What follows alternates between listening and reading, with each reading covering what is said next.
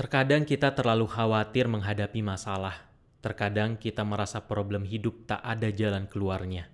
Terkadang kita merasa penderitaan tak ada ujungnya. Hidup diliputi ketakutan yang seharusnya tidak terlalu dipikirkan. Takut jika nanti lamaran ditolak. Takut jika usaha tidak berhasil. Takut jika rezeki tidak lancar. Sobat, galaumu akan terobati ketika kita selalu menjaga Allah di dalam hati. Seperti sabda Nabi, Jagalah Allah, maka engkau akan mendapatinya di hadapanmu. Ingatlah Allah ketika senang, maka Dia akan mengingatmu di masa sulitmu. Ketahuilah bahwa apa yang tidak ditakdirkan untukmu tidak akan pernah kau dapatkan, dan apa yang ditakdirkan untukmu tidak akan pernah meleset darimu. Ketahuilah bahwa pertolongan itu bersama kesabaran, kelapangan itu bersama kesempitan, dan bahwa bersama kesulitan pasti ada kemudahan.